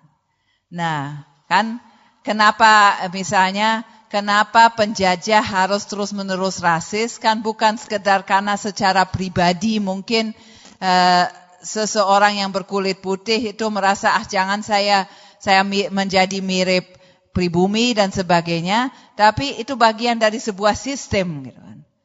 Di mana uh, orang Eropa uh, secara satu secara kelompok berkepentingan untuk mempertahankan hierarki tertentu gitu kan. Karena kalau itu hilang, dia akan kehilangan kekuasaannya gitu kan. Nah, apakah dalam pengalaman dalam stereotipisasi yang dialami ini juga ada hal semacam itu di belakangnya? Gitu kan. Nah, itu kan menarik untuk diteliti gitu. Itu tidak akan menghilangkan stereotipisasinya gitu kan. Tapi mungkin bisa eh, apa eh, permasalahannya, latar belakangnya gitu yang apa yang sesungguhnya menjadi masalah itu bisa lebih dipahami gitu. Karena kan masalahnya kalau kita menghadapi stereotipe hanya dengan membalikkan, dengan mengatakan, oh kamu mengatakan saya begini, saya nggak begitu kok, gitu kan. Itu kan tidak menyelesaikan masalah dan tidak akan uh, apa, uh, tidak akan berujung kan. Tapi kalau kita ternyata paham uh, apa ya kepentingan sana, ngapain melakukan itu, gitu kan? Terus ya mungkin di apa kita bisa mengutarakan kritik itu gitu di tempat yang tepat. Nah itu sangat menghantam gitu kan. Jadi ya itu saya pikir itu yang ditawarkan di sini. Jadi kita diajak untuk tidak uh, merespon secara spontan konfrontatif, tapi mengambil jarak lalu melihat apa sih sebenarnya yang sedang terjadi di sini gitu kan. Ngapain sih di situ tuh menciptakan stereotipe? Ini melayani kepentingan siapa gitu. Kemudian emosi apa yang ada di pihak yang melakukan stereotipisasi sehingga dia merasa butuh gitu. Dia dapatin apa sih di situ gitu. Jadi itu gitu kan uh, yang yang bisa di apa dilakukan ya dengan pendekatan semacam ini. Oh masih ada lagi. Ya silakan. Uh, selamat malam Bu. Saya Moksa. Uh, menarik bahwa uh, uh, penjajahan itu tidak hanya menjajah secara fisik tapi juga pikiran. Nah, salah satu unsur yang ini menurut saya yang paling besar mempengaruhi pikiran itu adalah cara berbahasa, bahasa kita. Nah, uh, ketika seseorang itu memimikri secara bahasa, ketika aku memimikri, memimikri mungkin bahasa Inggris atau bahasa Jerman gitu, apakah masih ada diskriminasi bahasa gitu. Nah, Ibu Kantrin Bender sendiri kan Jerman, Inggris, bahasa Indonesia, mungkin bahasa Jawa atau mungkin bahasa Arab juga bisa. Ah, apakah ada hierarki antar bahasa itu sendiri ataukah itu ya hanya perkara subjektif dan bahasa Ibu? Terima kasih. Malam Bu Catherine. Terima kasih sebelumnya sudah membacakan ini untuk kami. Uh, saya pengen nanya, kalau tadi kan yang dibahas itu mimikri, ambivalensi tapi itu secara fisik gitu, rupa gitu. Nah, kalau misal dalam penjajahan secara ilmu akademis gitu, saya pengen nanya, uh, saya kemarin-kemarin nggak ikut ya, mohon maaf kalau ini pernah dibahas di sebelumnya gitu. kan ada banyak wacana feminisme tentang seksualitas, studi seksualitas, kemudian kekerasan perempuan. Um, nah itu tuh bagian dari wacana kolonialisme juga. Nah, um, kan tadi Ibu sempat bilang wacana kolonial itu disajikan untuk mendukung imperialisme atau kapitalisme gitu. Nah, saya belum ngerti dengan adanya wacana-wacana seperti itu, LGBT juga itu bagaimana mendukungnya seperti apa gitu prosesnya. Nah, kemudian apa yang bolong dari wacana-wacana di feminisme ini tadi man, di mana ambivalensinya um, kemudian ya itu tadi yang tiga dalam dibahas di konsep baba. Terima kasih. Oke, baik. Terima kasih. Ini pertanyaannya luas-luas ya. Oke, uh, yang pertama soal bahasa gitu ya. Mungkin ya yang apa pertanyaan kedua dulu tadi uh, soal bahasa ini, apakah masih ada hierarki antar bahasa? Oh jelas ada. Saya rasa jelas ada. Misalnya um, saya sering mengalami hal itu gitu karena um, karir uh, akademis saya itu sebenarnya sangat tidak sesuai dengan uh, dengan standar yaitu saya sebagai orang barat, orang Eropa menulis hampir sepenuhnya dalam bahasa Indonesia. Jadi saya hampir tidak ada publikasi dalam bahasa Jerman atau Inggris gitu. Semua publikasi saya dalam bahasa uh, Indonesia. Itu bagi saya implikasi realnya kalau saya mau melamar uh, pekerjaan di Eropa sekarang sudah uh, bisa dikatakan hampir 100% tertutup lah gitu kan jalur itu bagi saya karena saya tidak memiliki uh, publikasi yang membanggakan yaitu dalam jurnal uh, internasional berbahasa Inggris gitu kan. Nah, jadi ya memang hierarki itu jelas sekali ada gitu kan. Uh, walaupun daftar uh, publikasi saya panjang itu pasti akan diabaikan semua pertama karena mungkin orang yang yang bertugas memilih itu tidak bisa baca apa yang saya tulis gitu. Juga karena memang tidak sesuai dengan dengan standar yang mereka inginkan gitu kan. Um, jadi ya itu jelas sekali misalnya dalam banyak hal itu uh, banyak banyak contoh terbukti gitu. Atau misalnya um, kalau ada sastrawan dari sini misalnya uh, yang karyanya kemudian diterjemahkan ke bahasa Inggris atau bahasa Jerman, bangga bukan main kan? Kalau sebaliknya yang terjadi, ya mungkin senang juga, tapi sama sekali bukan prestasi yang sama yang bisa di, uh, di apa bandingkan. Dan secara institusional juga itu tercermin. Misalnya orang sini eh, punya di sini Indonesia sendiri ada berbagai institusi sastra yang menerjemahkan sendiri karyanya ke bahasa Inggris karena merasa berkepentingan punya eh, terjemahan ke bahasa Inggris. Nah, sedangkan untuk karya dari luar bahkan kan karena merasa butuh gitu kan bahkan kadang tanpa mengurus copyright sehingga menjadi masalah kan. Jadi ya apa uh, itu sudah uh, memperlihatkan ada jelas sekali ada hierarki yang berkaitan dengan uh, bahasa juga gitu. Nah kemudian apakah penggunaan bahasa bisa menjadi mimikri tadi? Gitu. Mimikri, nah itu sebenarnya contoh yang menarik. Mimikri itu kan peniruan tapi tidak persis sama dan bisa jadi mungkin bisa jadi pengejekan gitu kan. Nah, itu dalam kasus bahasa Inggris misalnya terjadi di banyak tempat kan? Bahasa Inggris pada zaman sekarang dipakai bukan hanya di Inggris dan di Amerika misalnya tapi di India, di Singapura gitu. Dan di banyak tempat yang uh, bahasa uh, aslinya bukan bahasa Inggris tapi uh, orang sekarang memakai bahasa Inggris dalam keseharian. Dengan bahasa Inggris yang mungkin menurut orang Inggris itu amburadul gitu kan. Nah ini juga memang bisa dipahami sebagai uh, mimikri. Nah ini menimbulkan pertanyaan misalnya siapa sih yang punya memiliki bahasa Inggris? Siapa yang menentukan standar yang mana benar penggunaannya, yang mana uh, tidak gitu kan? Nah juga hibriditas sangat jelas muncul di situ. Kalau kita ke ke apa Singapura misalnya kita dengar orang berbahasa Inggris dengan terus-menerus memasukkan uh, apa unsur Melayu misalnya. Come on lah gitu. Lahnya itu kan apa gitu? Bahasa Melayu kan? Cam, campur aduk gitu kan. Uh, dengan apa bahasa lokal gitu kan. Uh, bahasa Inggris dengan bahasa lokal tertentu gitu. Nah ini kan menjadi, tapi itu menjadi bahasa Inggris juga yang dipakai sekian orang, yang diakui. Jadi yang asli itu yang mana sih sebenarnya gitu kan. Nah itu bisa uh, menjadi pertanyaan untuk kita terpacu untuk mempertanyakan apa sih keaslian itu.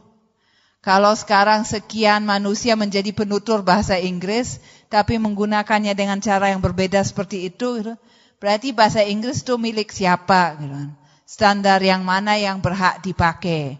Kenapa tetap rujukannya Amerika Serikat atau Inggris gitu.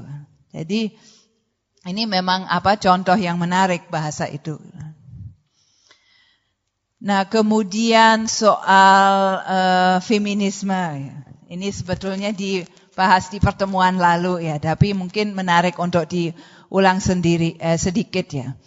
Nah, memang uh, seperti yang saya ceritakan waktu itu, uh, feminisme berpotensi untuk di dieksploitasi sebagai bagian dari uh, wacana kolonial. Gitu. Uh, salah satu contoh misalnya um, ada seorang uh, penjajah Inggris uh, atau apa uh, governor Inggris yang uh, namanya Lord Cromer uh, di Mesir yang pernah uh, berkata begini. Uh, saya datang ke sini untuk menyelamatkan perempuan muslim dari Islam. Jadi apa? Dia merasa tugasnya sebagai orang Inggris yang datang ke dunia muslim apa?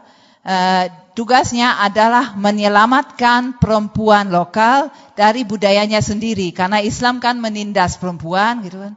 Lalu dirinya sebagai uh, orang uh, Eropa yang merasa lebih teremansipasi itu merepresentasikan dirinya sebagai yang bertugas menyelamatkan perempuan di sana karena kasihan sekali perempuannya ditindas oleh laki-laki mereka sendiri. Gitu.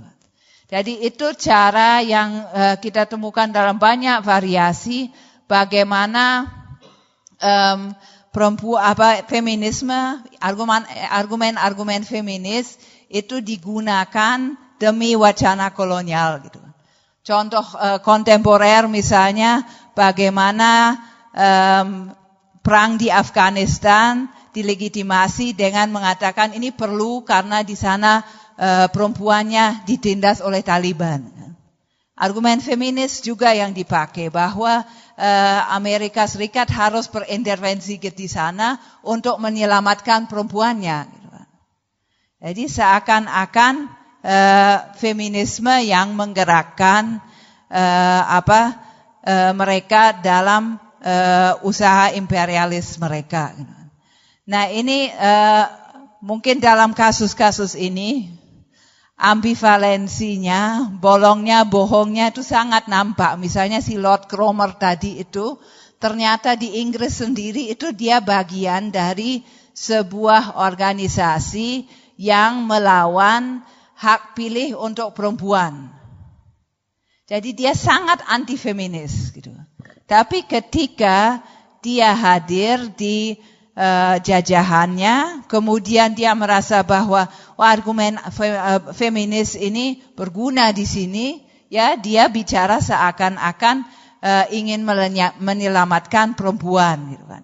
Jadi ini apa langsung tertelanjangi katakanlah sebagai retorika kolonial yang murni bohong gitu kan. Bukan sebagai apa keinginan yang tulus untuk membantu uh, orang lokal gitu kan. Jadi ya apa uh, masalah permasalahan uh, wacana kolonial sangat uh, nampak di sini gitu kan. Nah kemudian um, kalau kita melihat ambivalensinya apa? Nah, ambivalensinya nampak misalnya dalam argumen yang terus-menerus dihadirkan, eh, di mana penjajah yang sok feminis tadi, gitu kan. Nah baik yang memang bohong 100% maupun yang mungkin eh, apa merasa tulus tapi tidak sadar akan eh, akan bermasalahnya argumen yang dia pakai, gitu kan. Nah, eh, ketika eh, argumennya kan adalah bahwa perempuan lokal perlu diberi suara, perempuan lokal ini tertindas gitu kan. Tapi eh, biasanya wacana ini dilakukan oleh disuarakan oleh laki-laki kulit putih dan perempuan lokalnya justru tidak ditanya gitu kan. Jadi sebetulnya sambil membela, dia juga tidak ingin sebetulnya si perempuan ini bersuara sendiri gitu kan. Nah, jadi apa ambivalensi wacana itu sangat tampak gitu kan. Uh, salah satu contoh yang saya ceritakan di pertemuan per, uh, kemarin itu contoh kelompok Fimen. Kelompok Fimen ini sangat uh, ekstrim gitu, um, yaitu sebuah kelompok yang uh, beberapa tahun yang lalu menggunakan ketelanjangan dalam aksi-aksi mereka, uh, di mana mereka selalu berargumentasi bahwa perempuan perlu membebaskan tubuhnya uh, perlu dan mereka bertelanjang dada untuk memprotes banyak hal antara lain agama gitu kan. Jadi mereka misalnya berpose kemudian badan uh, tubuhnya itu ditulisi atau dia memegang uh, tanda yang tulisannya itu perempuan muslim bertelanjang lah gitu kan. Nah, itu dilakukan dengan uh, apa dengan uh, argumen bahwa mereka sedang membela perempuan muslim. Tapi kemudian ketika ada sejumlah perempuan muslim yang me me memulai gerakan perlawanan lalu mengatakan uh, misalnya di, di media sosial dan sebagainya bahwa uh, kami tidak tidak ingin direpresentasikan seperti ini. Uh, kami tidak merasa terwakili oleh kalian gitu kan. Kami bisa bersuara sendiri gitu. Nah, uh, yang bersuara ini mendapat respon yang luar biasa rasis, memaki-maki mereka gitu. Nah, di situ sekali lagi tampak uh, ambivalensinya. Jadi yang uh, Vimen ini dan pendukungnya uh, menyatakan kami ingin membela perempuan muslim. Ketika perempuan muslim bersuara tapi tidak persis seperti yang mereka harapkan, mereka marah luar biasa. Gitu. Nah ini apa contoh-contoh mungkin uh, tentang persoalan feminisme. Kalau tentang LGBT ini uh, bisa panjang lagi, itu sangat rumit saya rasa mungkin uh, perlu pertemuan sendiri kalau memang dibutuhkan untuk membahas uh, persoalan itu. Gitu. Terima kasih.